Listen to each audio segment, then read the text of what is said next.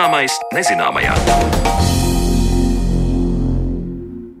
Esiet sveicināti raidījumā Zināmais nezināmajā. Ar jums kopā Sandra Kropa un turpmāko stundu mēs veltīsim sarunām par to, kā dažādos laikos ir klājies sievietēm. Jau pavisam drīz sarunas studijā būs par to, kāpēc ir vērts pievērsties sieviešu vēstures pētniecībai un ko tas viss stāsta par mūsu pasauli, kurā dzīvojam. Bet līdz tam vēl būs dzirdams materiāls par to, kā savulaik pēc ārējām pazīmēm ļaudis noteica raganu izskatu. 16. un 18. gadsimtā sabiedrība bija ļoti normēta un jebkuras atkāpes no normas izraisīja aizdomas. Saka Raganu prāvu pētnieks Sants Laime, un sarunā ar manu kolēģi Zani Lāci stāstīs, pēc kādām ārējām pazīmēm ļaudis noteica Raganu izskatu. Pārlieku neglīta vai pārlieku glīta. Cilvēks ar acīm redzamām veselības problēmām vai dzimumzīmēm nosētu ķermeni. Ar šādām pazīmēm pietika, lai cilvēku pieskaitītu ļauno spēku pasaulē. Latvijas Universitātes literatūras, folkloras un mākslas institūta pētnieks Sandis Laime, kurš ir pētījis, kādi ir bijuši cilvēku priekšstati par raganām senatnē, par to ir sarakstījis grāmatu un arī stāstījis šajā raidījuma ciklā. Bet tagad, runājot par šo būtņu izskatu, viņš sāk ar cilvēku priekšstatiem mūsdienās ko cilvēki iedomājas, izdzirdot vārdu ragana. Es pats savulaik veicu disertāciju rakstot un veicu filoloģijas fakultātē aptauju starp studentiem. Un, uh, bija ļoti stereotipiskas atbildes. Tā, tā, tā pārsvarā ir veca, līka sieviete ar līku degunu, uz kura obligāti ir kārpa, izpūruši mati, sēž uz slotas, un viņai kaut kur apkārtnē arī kaķis vai krauklis.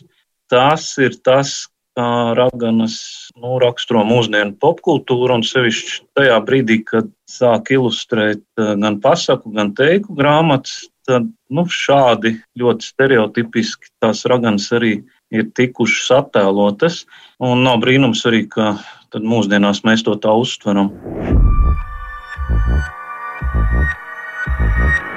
Man jāteic tā, ka lielākajā daļā no tekstiem raganas ir vienkārši vecas sieviņas vai vecenes. Tā tad uh, ir šis vecuma moments uzsvērts. Īsnībā izskatam ir salīdzinoši maz uzmanības pievērsts. Vairāk uh, jau ragans atpazīst pēc tā, ko viņas dara, nevis pēc tā, kā viņas izskatās. Bet, ja ir kaut kādas īpašības minētas, nu, tad uh, pārsvarā tas ir kaut kas, kas tā kā nu, izkrīt ārpus tāda klasiskā vai vidējā statistiskā izskata. Piemēram, ja runa ir par acīm, tad uh, tās pārsvarā var būt tumšas, jo nu, vairāk jau raksturīgas mūsu platumgrādos gaišas acis. Šķielējošas, protams, cilvēkiem nepatīk šķielējoši skatieni. Arī tiek lietots tāds apzīmējums kā ļaunas acis. Arī akli cilvēki ir uzskatīti par aganām Ja runājam par matiem, tad nu, arī melni mati, pinkaini, nemazgāti. Tas pats arī par ādas krāsu. Ja tā tiek minēta, tad ragans ir vai nu tumsnīgs, neizs sievietes, kas uzreiz rada nu, tādas aizdomas, vai gluži pretēji tā āda ir atkal ļoti bāla. Arī nagi tiek pieminēti. Ja nagi tiek minēti, tad tie ir vai nu gari vai līki, vai atkal tiek uzsvērts tas, ka bez nagiem var sakropļot pirksti bez nagiem. Vēl viena ļoti interesanta lieta, tas, ka arī tuklas vai resnas sievietes tika uzskatītas par raganām. Tas acīm redzot saistīts ar to, nu, ka tā tuklība, resnība savā ziņā raksturot pārticību. Un šeit ir tas sociālais moments, ka ne jau tie nabagie cilvēki savulaik tika uzskatīti par raganām, bet tieši pretēji tie, kas bija bagātāki. Tātad šī tuklība, jeb resnība arī varēja būt viena no pazīmēm, kas var raksturot raganu. Paskatot citus rakstītus avotus par to, kāds raganu izskats ir bijis sendienās Rietumē Eiropā, atšķiru Šekspīra lūgu Makbets un tur lasu par bārdainām sievietēm, saplaisājušiem pirkstiem un savītušām lūpām. Kā lūgas komentāros raksta tulkotājs un literatūra vēsturnieks Kārlis Egle, tad Šekspīrs savu raganu aprakstu varēja smelties no mutvārdu leģendām un folkloras teicējām. Taču turpinājumā dzirdēsim, kā laikā, par kuru runā pētnieks Sandis Laime, tas ir no 16. līdz 18. gadsimtam, pie raganām varēja pieskaitīt cilvēku arī ar dzimumu zīmi pirmais gadījums, kad vispār Latvijā ir šobrīd dokumentāli pierādāma raganu sadedzināšana. Tā ir raganu prāva grobiņā 1559. gadā.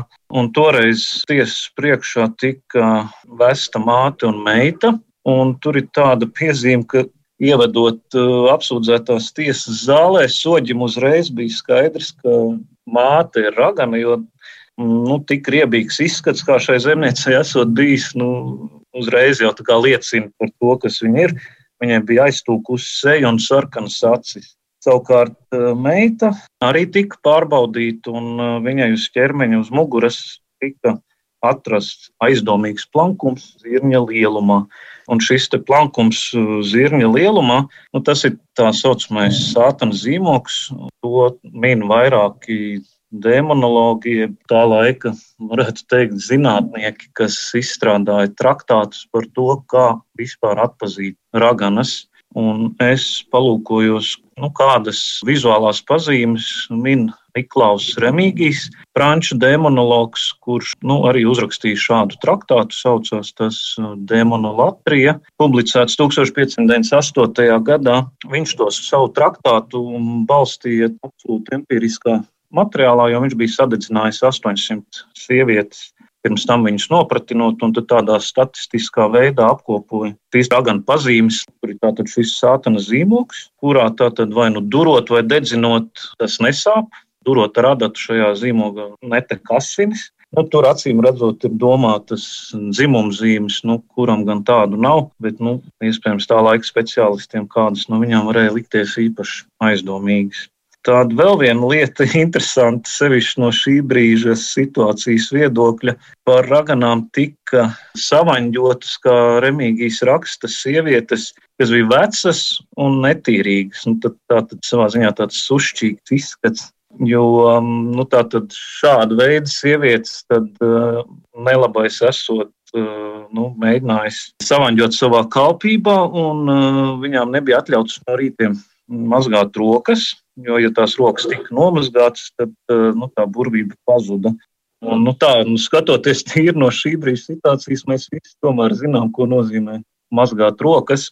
Un, uh, visdrīzāk jau tas saistīts ar to, ka tieši šī higiēnas prasība neievērošana, tātad nonākot kontaktā ar šādu netīrīgu sievieti, nu, tas, kas no rītiem mazgāja rokas, varēja arī aplipināties ar kādu vīrusu. Tas izskaidrojums šim netīrīgumam, vai netīriem matiem, vai netīriem drēbēm, viņš ļoti praktiski mūsdienu, sevišķi mūsdienu situācijā, ir, ir izprotams. Izskaidrojumi var būt ļoti dažādi, un tās situācijas ir bijušas ļoti dažādas. Kaut vai Latvijā arī ir uh, teikas pierakstītas par to, kāpēc sievietes ir dedzinātas sārtos. Muškungs uh, mēģina izmantot savu varu pār sievieti, viņai uzmākdamies un gribēdams varbūt vēl kaut ko vairāk, bet sieviete atsaka. Un tad tas ierocis, kā ar viņu cīnīties, ir nu, apsūdzēt viņu par raganu. Un skaidrs, ka Muškungam tiesā ticēs vairāk nekā nabaga sievietēm skaidrs, ka acis jau viņa met uz tām skaistākajām. Tajā jūsu piemērā mēs redzam, ka ne tikai vecas un neglītas, bet arī jaunas un skaistas sievietes nevarēja izbēgt no apsūdzības raganošanā. Principā jau tā tendence ir tāda, ka nu, vai nu pārāk skaista sieviete, vai nu arī pārāk neglīta, tā kā nu, pa labi, pa kreisi no tā vidusmēra, tad tas uzreiz kļūst aizdomīgi. Nu, tas vispār tam laikam raksturīgi, ka nu, visa tā sabiedrība ir ļoti normēta un jebkāda veida tādas atkāpes no normām uzreiz izraisīja aizdomas. Pat tādā ziņā, kā cilvēki izskatās. Sakiet, kā bija ar slimību pazīmēm, jo es saprotu, ka dažādas ar veselību saistītas diagnozes toreiz arī bija par iemeslu, lai apsūdzētu cilvēku par piedarību raganām. Es domāju, ja mēs vienu daļu no šiem tekstiem, kuros ir minētas tās pazīmes, kā cilvēki atpazīst raganas, ja mēs iedotu ārstiem, nu, viņi pēc tās teikas varētu uzstādīt pat uh, zināmā mērā diagnozi cilvēkiem. Nu, piemēram, viens no tādiem nu, senākiem raganošanas veidiem, kas uh, latviešu tradicionālajā kultūrā ir pastāvējis pirms raganu prāva perioda. Bija nu, tas priekšstats, ka cilvēks iet raganot nevis ar visu miesu, bet tikai ar dvēseli. Tā, tā miesa noguļ uz zemē, pirms tam sieviete izlaiž matus, izģērbjas, iespējams, vietinas palagā, tad uh, atbrīvo dvēseli, kas aizlido, izslauc govis, izdara visus sliktos darbus, un pēc tam atgriežas šajā ķermenī atpakaļ. Nu, un tad tie teksti, kā tiek atrasti šie ķermeņi kaut kur ceļmalās ar putām uz lūpām, piemēram, nu, šādus tekstus lasot, liekas, nu, vai nu tur krītamā kaita vai kaut kas, kas ir piemeklējis cilvēku. Protams, toreiz nevērtē šīs medicīniskās diagnozes, nu, tas vienkārši izskatījās neierasti, nesaprotami. Un tiem cilvēkiem nevis palīdzēja, bet tieši otrādi šīs slimības dēļ viņi tika nu, stigmatizēti, tika apsūdzēti par raganām. Vai. Katrā gadījumā ar tādu reputāciju toreiz nebija patīkami dzīvot. Kā redzam, amplitūda visai plaša. Nevajadzēja daudz, lai tevi uzskatītu par raganu. Interesanti gan šķiet, ka viduslaikos raganu karaliene bija no sengrieķu mitoloģijas nākusi būtne. Tā bija dieve Hekate, kurai nepiemita neviena no šīm nosauktajām ārējām pazīmēm. Hekates izskats bija krietni vien ekscentriskāks. Viņai bija trīs galvas - zirga, suņa un lauvas. Par ārējām pazīmēm, pēc kādām senatnē noteica raganu izskatu, stāstīja Latvijas Universitātes literatūras, folkloras un mākslas institūta pētnieks Sandis Laimi, un ar viņu sazinājās mana kolēģe Zane Lāca. Bet raidījuma turpinājumā mēs runāsim par to, kāpēc ir interesanti un noderīgi pētīt sieviešu vēsturi.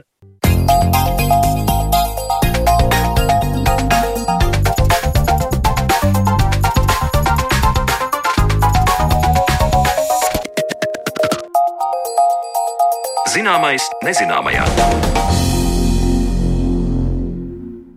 Sieviešu vēsture Latvijā līdz šim nav visaptveroši pētīta. Vismaz tā uzskata virkni pētnieču, kas nu, iesaistījušās plašākā sieviešu vēstures pētniecības projektā. Vai tā tik tiešām ir un kas par to liecina un kāpēc vispār sieviešu pieredze līdz šim ir bijusi maz pētīta tēma Latvijas vēsturē? Atbildes uz visiem šiem jautājumiem mēs meklēsim raidījuma turpinājumā, jo uz sarunu mūsu attālinātajā studijā esam aicinājuši vēsturnieci Inetu Lipšu, mākslas vēsturnieci Baibu Vanagu un arī literatūras zinātnieku zinātnieci Zītu Kārklu. Labdien jums visām trijām! Labdien! Dien. Es saprotu, ka jūs visas trīs vieno kāds liels pētniecības projekts par sieviešu vēsturi, bet pirms tam es lūkšu varbūt jums pastāstīt, ko tad īsti mēs saprotam ar sieviešu vēsturi un uz kādiem tad galvenajiem jautājumiem jūs mēģinat rast atbildes. Eh, es pat nezinu, ar kuru sākt. Nu, Inete, sākšu ar jums. Ko mēs saprotam ar sieviešu vēsturi? Nu, acīm redzot, uh, Es sākšu no tā izējas punkta, e, kas mums ir. Ja mēs skatāmies, un man interesē politiskā vēsture un sociālā vēsture, un ja mēs skatāmies e, līdz šim Latvijā izdotos pētījumus, tad pārsvarā tajos ir runa par, e, par kādiem, nu, teiksim, abstraktiem, gandrīz abstraktiem cilvēkiem, un šī vēsture ir rakstīta biežāk ciešamajā kārtā. Un tas nozīmē izvairīšanos no izvairīšanos no e, konkrētu darītāju saukšanas vārdā, vai arī, ja šie darītāji tiek saukti vārdā, tad pārsvarā tie ir nu, teiksim, politiķi, augsta līmeņa darbinieki, kas attiecīgajā laikā, 20. gadsimta sākumā, pirmajā pusē pārsvarā bija vīrieši. Un, piemēram, ja mēs skatāmies politisko vēsturi, tad e, saskaries ar tādu faktu, ka starpkara Latvijā parlamentā tikai vienā saimā bija ievēlēta, nu, ja mēs neskaitām satversmes sapulces, bija ievēlēta tikai Berta Pīpiņa, viena deputāte. Tad ir jautājums, e, kas tad vispār e, bija ar sievietēm tolaik, vai viņas neinteresējās vispār par politiku, viņām bija aizliegts piedalīties politikā. Vārdu sakot, rodas jautājums, kāpēc. Un, ja mēs ņemam grāmatas, kas līdz šim ir rakstīts par politisko vēsturi, tur mēs šos jautājumus, nu, to atbildi nevar atrast.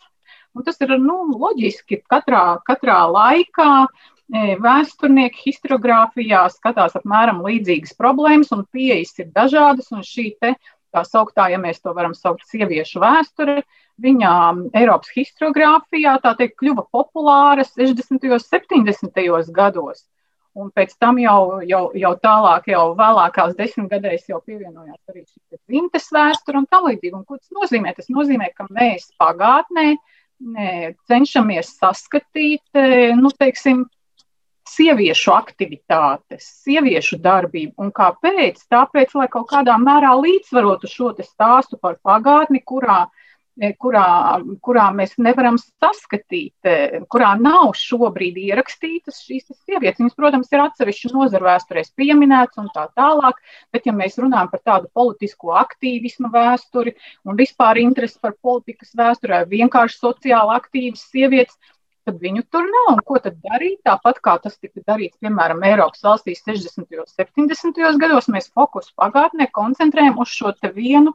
Uz šo vienu problēmu jautājumu, jo visu pagātni aptvert mēs nekad nevaram. Vai nu skaties tur, piemēram, labdarības vēsturi, vai skaties e, e piedalīšanās parlamentārajās vēlēšanās, vai vienmēr pētnieks skatās kaut kādu konkrētu jomu.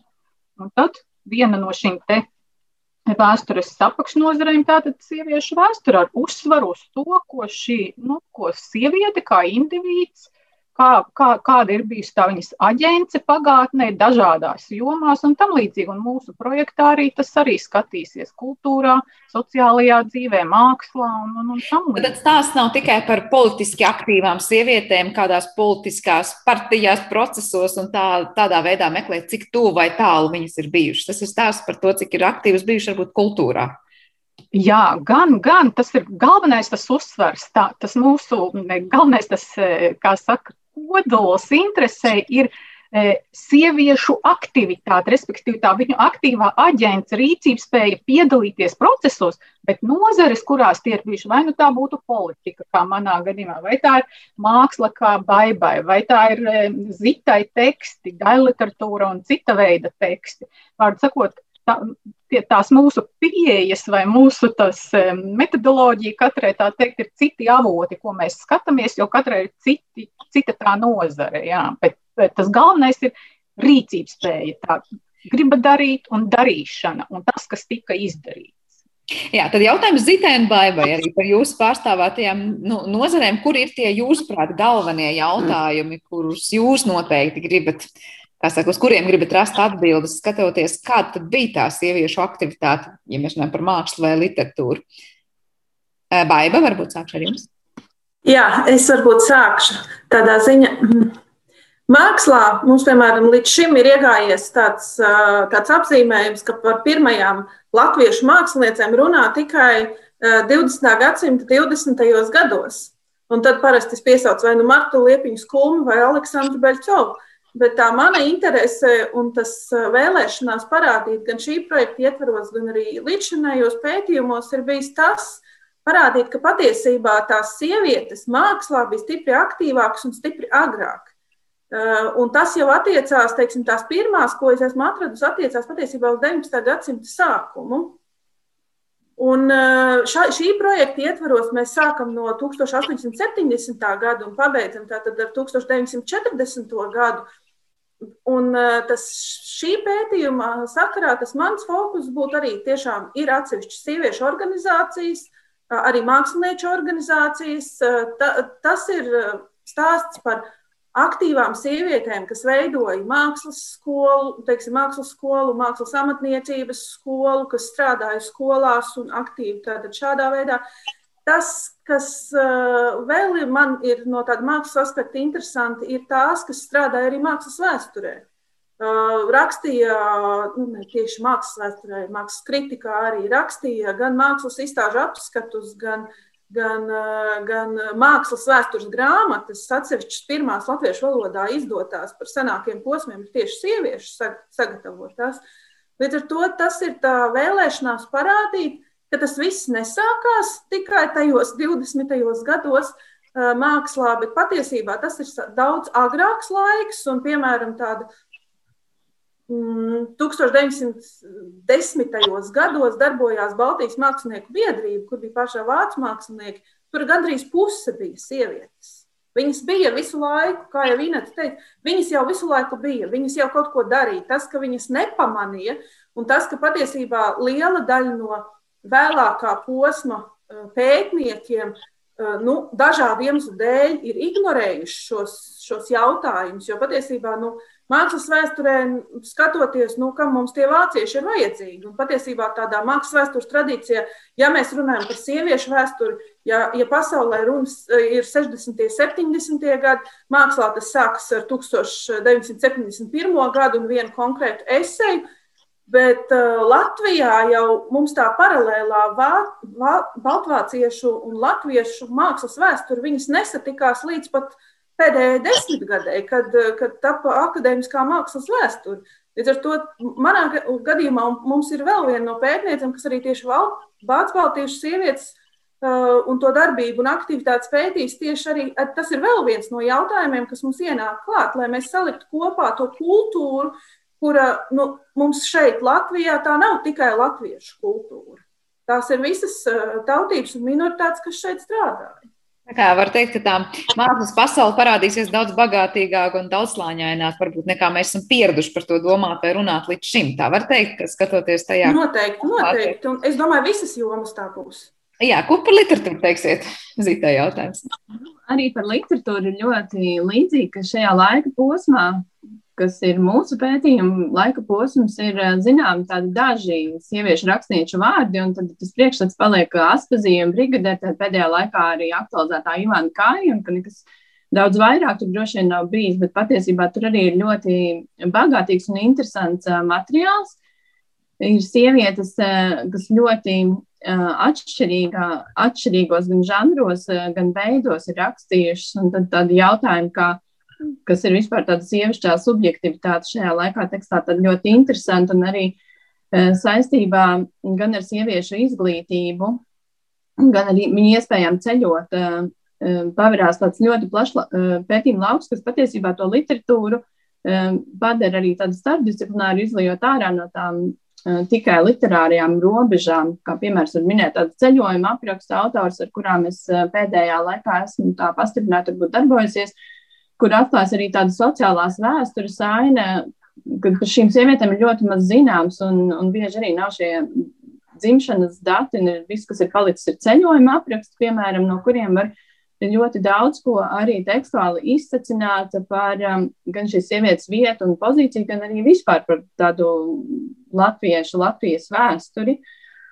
Un, um, jā, tas mērķis droši vien ir um, arī tādā ziņā, ka līdzīgi droši vien kā arī Inês minēja, ka uh, domāšana par sieviešu tādu literatūras vēsturi jau ir sākusies arī, arī Latvijā, jau tas ir minēts feminismu pētījumos jau 90. gadu beigās un gadsimta mijā, bet īsti tā atsekta un izcelta viņa nav. Un aktualizēt šīs nezināmās un marginal, marginālās šķietami rakstnieces. Tad ir interesanti palūkoties, kāpēc viņas vispār šajā vēsturē ir palikušas kā marginālas personības.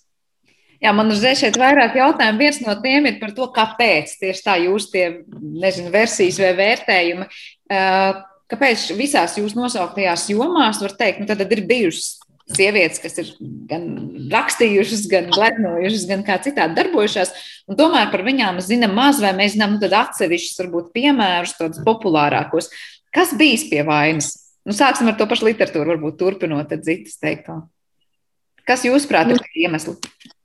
Nu, varbūt kaut kādā mērā tie iemesli arī uh, ir saistīti ar literatūru kritiku un ar literatūru vēstures rakstīšanu līdz šim, jo daudz kas jau um, tiek pārņemts no tā, kas ir rakstīts, tā, no tā, kas ir pateikts un kas ir tajā publiskajā telpā ievērots. Un tad uh, vēlākie pētnieki uh, arī pārņem daudz tādas varbūt idejas un, un domas un tās interpretācijas eh, arī gan laika, gan varbūt resursu trūkuma dēļ, neejot eh, atpakaļ un neiedziļinoties, gan arī varbūt eh, šie dzimtas aizspriedumi, kā vispār tā sieviešu rakstniecībā un, un, un viņu tēmas arī varbūt tiek uzskatītas plašāk.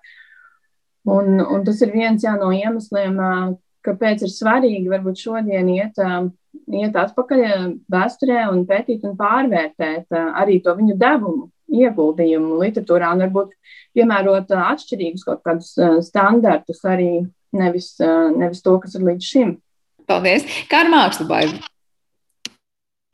Nu, kritika Nu, tas ir kritika, varbūt nebūtu tā izteiktākā, jo patiesībā es teiktu, ka at, uz to agrāko periodu manā interesu lokā, kas ietiecās 19. gadsimtā, tajā laikā nav nevienas latviešu izcelsmes mākslinieces, neviena nedarbojās, un viņas visas tātad ir vietējās eh, vācbaltietis. Un tas, es teiktu, ka viens no būtiskiem aspektiem bija tas, ka veidojot jaunu valsti un veidojot to tradīciju, kā mēs latviešu valodā rakstām par mākslu un mākslas vēsturi, mēs vienkārši eh, tie mūsu priekšteči vai manas profesijas priekšteči, viņi vienkārši izvēlējās ignorēt uh, pusi no sabiedrības, vai, vai nu, pusi tas būtu pārspīlēt, bet nu, daļu no sabiedrības un, un, un, un izcelt to, kas ir tas latviešu, latviskais. Un, Un tad, ņem, ņemot vērā starpkara periodā, tātad tas, tas netika skatīts. Tāpēc mums sākās ar tām starpkara, starpkara perioda māksliniecēm, principā tāda zināšana. Kaut arī latviešu izcelsmes ir, mēs varam runāt jau no, no 20. gadsimta paša sākuma, ir arī vēl citas. Uh, Un no, un padomju periods, tas nozīmē, tur ir svarīgi nevis eh, teiksim, tāda sociāla, gan tur ir šķīru un cita lieta, un tur atkal, nu, kā tu par tiem vāciešiem rakstīs, un tāpēc tā tradīcija ietiecās tā kā mūsdienās. Mākslā vēl viens, svar, vēl viens svarīga lieta, protams, ir tas, eh, kas ir saglabājies. Eh, jā, literatūrā ļoti daudz kas ir publicēts vai vēstures avotos, kur viņš ir parādījies vai citādi, tad eh, mākslā nu, mēs jau varam runāt, ka bija tās mākslinieces, bet ko mums tas dod, ja mēs principā vairs nespējam novērtēt to devumu, kas ir. Un, eh, un tas ir tas vēl viens no aspektiem. Jo, ja es, piemēram, par periodu līdz Pirmajam pasaules karam, principā varētu nosaukt aptuveni simts sievietes mākslinieces, tad pa kādam vienam vai, vai, vai laimīgos gadījumos diviem, vai, vai ir dažas, kam varbūt arī desmit darbus var atrast, uh, tad eh, tādas ir varbūt 30 no tā visa. Un, eh, un, tur, un tas savukārt ir aspekts par to, eh, kas, ir, kas iegūst mūsu muzeju kolekcijās vai privātās kolekcijās, kas tiek uzskatīts par vērtīgu un kolekcionējumu. Un es tieši nesen vienu pētījumu ietvaros, citu pētījumu ietvaros pētīju to, kā mākslinieču darbi ienāca nu, mūsu sabiedriskajās kolekcijās Latvijas 19. gadsimta beigās un 20. gadsimta sākumā. Un, eh, un tad varēja saprast, ka tas nu, ka tā proporcija, lai arī to sieviešu ir gandrīz puse no tā māksla, mākslā strādājošo apjoma, ir, eh, viņas vienalga ir mazāk. Eh, tiek pirktas, bet vēlākos laikos vēl mazāk. Un šobrīd, ja mēs paskatāmies uz Nacionālo mākslas muzeju, tad kolekcijā, kas ir par periodu līdz mūsu interese, šī pētījuma ietvaros interesējošajam periodam līdz 1940. gadam. Runa gan, glez, gan latviešu glezniecības, gan latviešu grafikas kolekcijā sievietes veido apmēram 4% no skaita. Un vēl viens, jā, es pat to domāju, tas ne, nevis tā kāpēc aizmirsts, tas būtu jautājums, kāpēc varbūt nebija, nu, vai bija mazāk. Tas ir tas izglītības aspekts un pieejamības aspekts, kas ir svarīgs arī citos, citos, citās šajās nozarēs ko, ko viņas varēja apgūt un, eh, un kur viņas varēja tālāk tikt, lai viņas vispār varētu nodarboties ar vienu, otru, trešo vai ceturto nozaru vai jomu. Jā, man vēl radās jautājums par to, nu, cik vispār to laiku varbūt tām sievietēm bija ikdienā laika nodarboties, piemēram, ar tādu lietu kā mākslu. Varbūt tas bija laikmets, kurā patiesībā sieviete ļoti strikti bija vairāk varbūt iesaistīta tādā ikdienas mājas dzīvē un ģimenes dzīvē. Un tad jautājums, vai viņām fiziski bija laiks nodoties mākslē, vai tapa šie darbi, vai viņu, viņu bija pietiekoši daudz, kas varēja atļauties būt mākslinieces to laiku? Nu, skatoties uz statistiku, vienmēr nu, teiksim, tādā Eiropā parasti mākslas vēsturē saka, ka tas, eh, tās, kas kļuva šajā agrējā periodā par māksliniecēm, bija vai nu mākslinieku sievas vai mākslinieku meitas. Um, Latvijas aspektā mēs nevaram runāt tādā, ka tas ir bijis, eksistē radniecības, bet uh, Bet ne, tas nav tik izteikti. Agrīnajā viņas ir arī no cita, citām, citā veida ģimenēm, vai savstajiem literātiem, vai citādi. Bet uh, tas, ko mēs ar to atļaušanos, nu, lielākā daļa no tām, kas, uh, kas nopietnāk pievērsās uh, mākslē un kas, kas nodarbojās, viņas palika neprecētas. Tas ir ārkārtīgi reti, ka māksliniece izveido, izmācās šo savu amatu un pēc apprecēšanās turpina. Ir ļoti maz šādu piemēru. Lielākoties šīs ģimenes raizes un ģimenes um, aprūpe um, patiesībā lika atteikties no šīs profesijas. Es esmu piedalījusies vairākās diskusijās, kur tiek runāts par mākslu un māksliniekiem arī šodien. Un šis aspekts par to, ka, ka ģimene ir tā, kas stipri ietekmē sievietes radošās iespējas, tiek uzdots arī mūsdienās sievietēm māksliniecēm. Es nekad neesmu dzirdējis, ka šo jautājumu uzdod vīrietim, kā viņam tas, ka viņam ir bērni, ietekmē to, kā viņš strādā savā profesijā, bet sievietēm šo jautājumu uzdod arī vēl šodien. Jā, es domāju, Inetē, te ir daudz ko varbūt komentēt, gan no vienas puses pārstāvot varbūt politisko um, aspektu, kā sievietes ir bijušas, nav bijušas un kur bijušas aktīvas.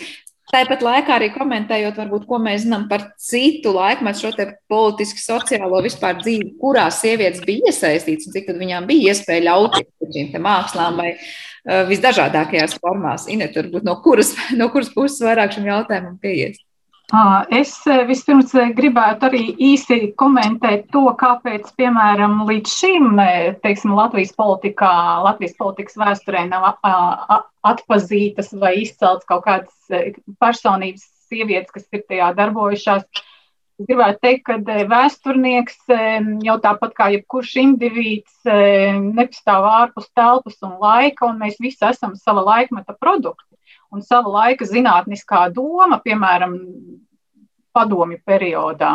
Tā noteica arī to pētījumu saturu, un, un, un zināmā mērā mēs varam teikt, ka e, pētījumi par sieviešu vēsturi nav bijuši tāpēc, ka nav bijis ieinteresētu pētnieku, kas uz to skatītos. Un Latvijā, ja mēs skatāmies par vēsturi, tad, e, protams, pirmais, kur jau Zita minēja tādus divus atslēgu vārdus, nezināmās un marginālās, es gribētu teikt, ka profesora Vita Zelča vēsturniece E, kā reizi ir uzrakstījusi par 19. gadsimta beigu sievietēm, kur monogrāfija saucās tieši tā nezināmās, un savukārt par starpkaru laika tādu grupu kā prostitūtas e, ir uzrakstījis monogrāfiju, kas saucas marginālās. Un e, tas, kā, jūs, kā mēs zinām, ir noticis 2000. gadu sākumā, tātad Latvijā tikai 2000. gadu sākumā ir parādījusies, nu, kā saka, strādājusi pētniece, kura ir interesējusies par šo problemātiku, un tieši tāpēc varējuši tapt pētījumi, kurus, tā teikt, mēs arī interesējoties tieši šo te e, virzienu, kā saka, zinātniskajā domā atzīstot par produktīvu esamu un, un, un, un izpētes vērtu, e, sākam savu pētniecību, e, bez tādiem pārmetumiem, ka, lūk, padomu laikā to nepētīja, padomu laikā vispār neko nevarēja pētīt, jo, kā mēs zinām, ja Eiropā 60. un 70. gados kaut kas sākās, tad mums iespēja iekļauties šajā zinātniskajā domā radās tikai pēc neatkarības atgūšanas, un tas lielā mērā ir noteicis to situāciju, kurā mēs esam, kāpēc e, līdz šim tikai, nu, principā tagad tādā lielākā apjomā mēs sākam saskatīt sievietes Latvijas vēsturē.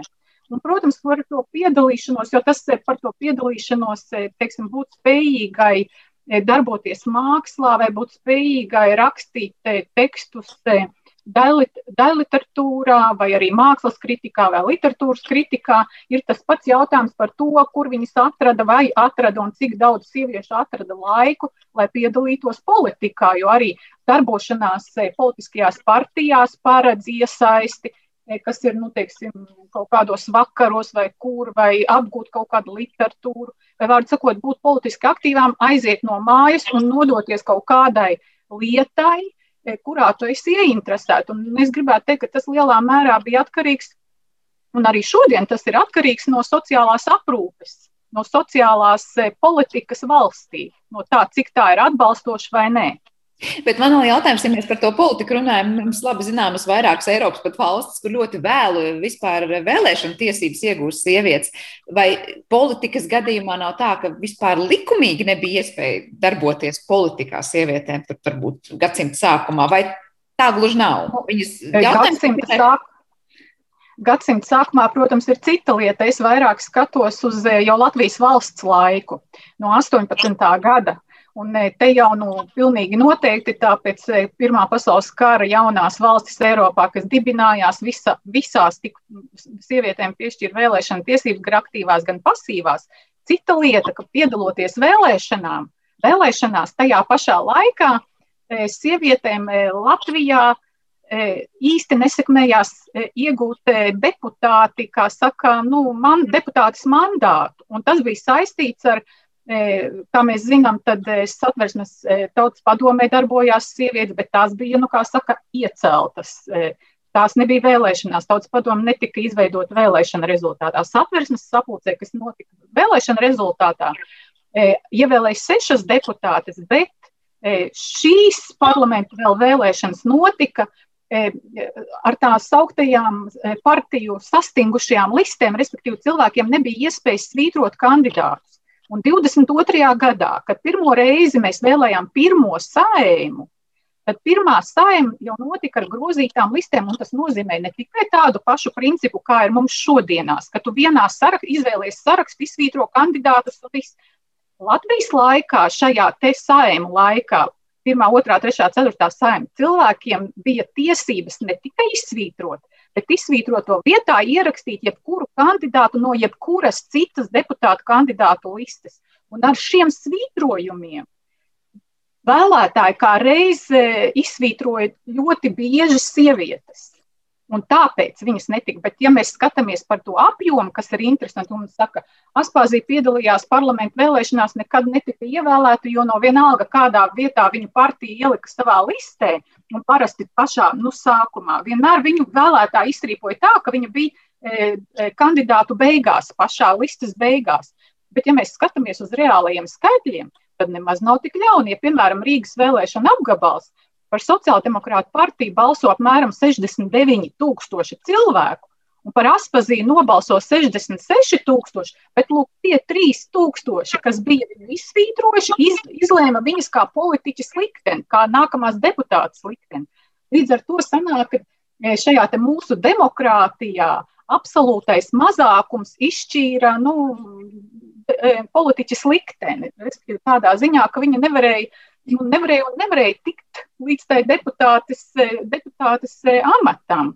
Bet, eh, bet tas arī, ja mēs sakām, sievietes tika iztrīkotas. Nu, ko nozīmē? Par viņu nobalsoja 66 cilvēki no sociāldemokrāta partijas, pateica, ka mēs gribam aspazīt. Trīs teica, nē, mums viņa nevajag, un aspazīt netika tur.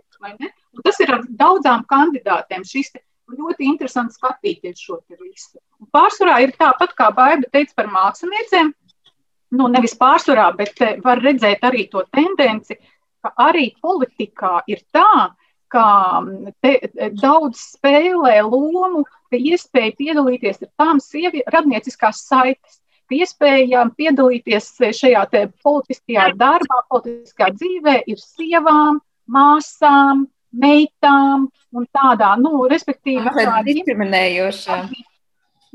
Par leģitīmu, par leģitīmu tas, ka tu velti kaut kādu laiku šām lietām. Eh, varbūt jautājums, kas uzjundīs daudzas emocijas, bet es zinu, ka bieži vien mēs runājam par šiem tematiem klausītāju vidū, dzirdam tādu teikumu, ka, nu, kāda starpība vai politikā tur ir vīrietis vai sieviete, galvenais jau ir kādām idejām un vērtībām un zināšanām cilvēks nāk, un tajā pašā laikā mēs bieži skatāmies tur citu valstu virzienā un sakām, lūk, cik skaisti tur tajā, tajā valstī gan prezidents, gan premjeras ir sieviete. Kāds ir tas galvenais jūsu arguments, kas mainās no tā, ka mēs tagad uh, izpētīsim, kāda ir bijuši sieviešu loma un cik maza vai, vai, netik maza konkrētajos laikos politikā? Vai mēs pārakstīsim vēsturi, vai mēs ieraudzīsim kaut kādus procesus pilnīgi citā gaismā? Es nezinu, vai mēs, teiksim tā, kāda tam būtu jēga, par to ir grūti teikt. Bet, respektīvi, ja mēs nu, tādā ziņā no mūsdienu sabiedrības viedokļa, kāda tam jēga, man, manuprāt, jēga ir tāda, e, ka jo arvien e, biežāk un biežāk e, izskan tādi viedokļi par to, nu, ka sievietes vieta tur tiek līdz un nezinu kur un nav ko viņām politikā līst, jo tā vienmēr ir bijis. Un šis te tā vienmēr ir bijis, vai tā ir bijis, teiksim, Ulmaņa laikā, vai tā ir bijis starpkara Latvijā, tas ir tas, kas liek paskatīties, kā tad īsti ir bijis. Un īstenībā ir bijis tā, ka šīs sieviešu organizācijas, gan sociālās, gan politiskās darbības spektrs ir bijis pārstāvēts no konservatīvā līdz galēji kreisam spārnam. Viņš ir bijis, kā saka, no sienas līdz sienam visā politiskajā spektrā. Sievietes ir darbojušās ļoti aktīvi.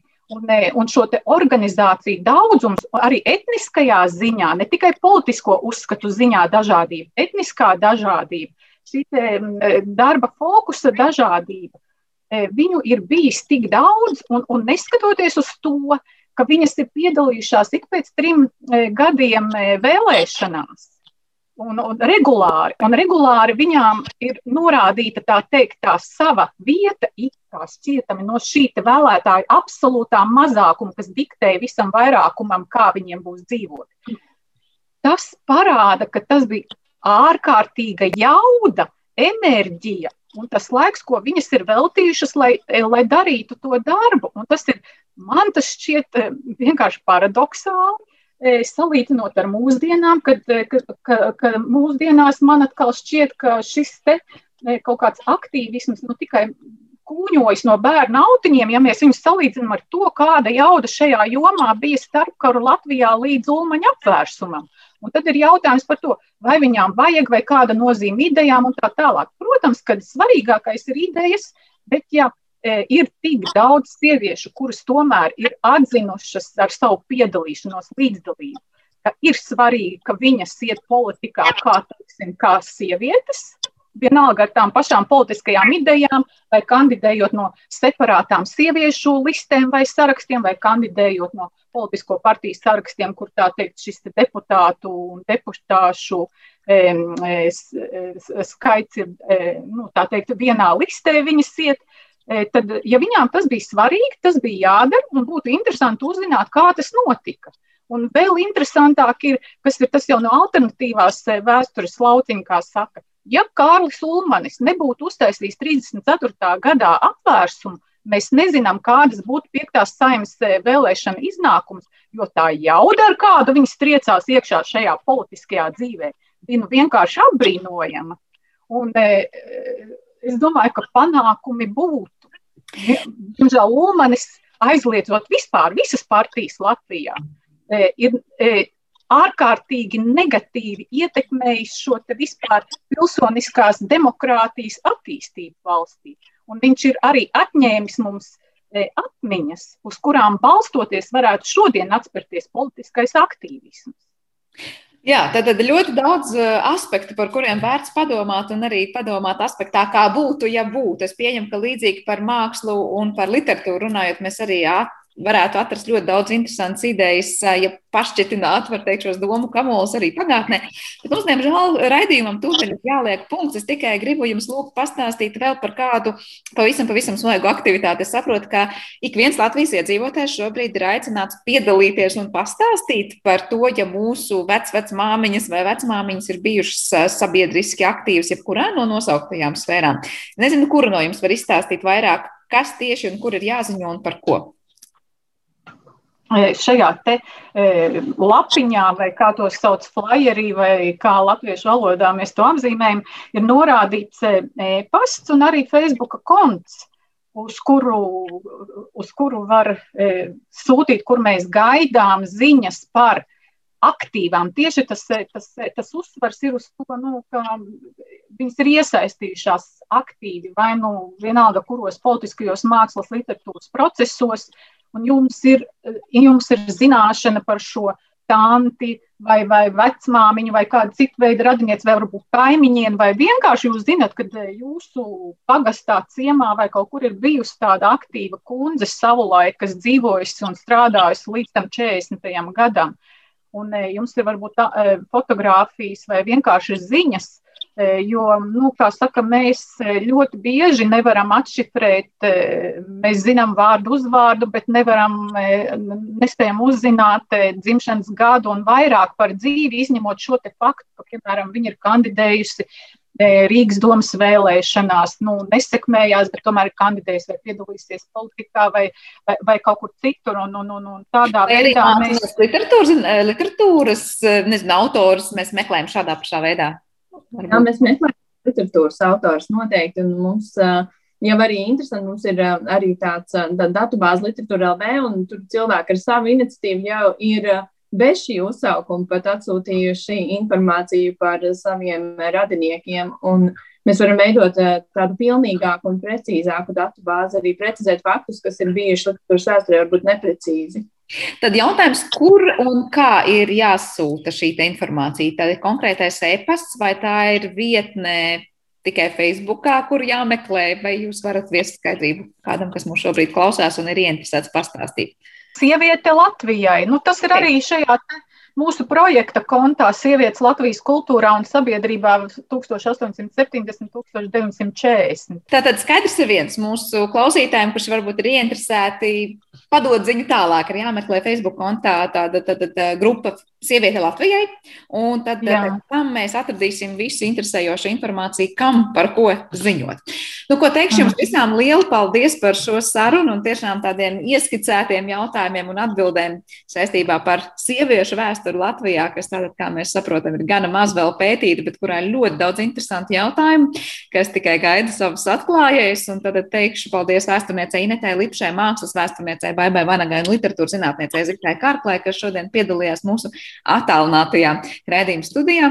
Par šo rēdījumu parūpējās producents Sarmīta Kolāta un mūzikas redaktors šai stundai bija Girds Bišs ar jums kopā savukārt viesis Sandra Kropa, un mēs tiekamies jau atkal rīt. Visu labu!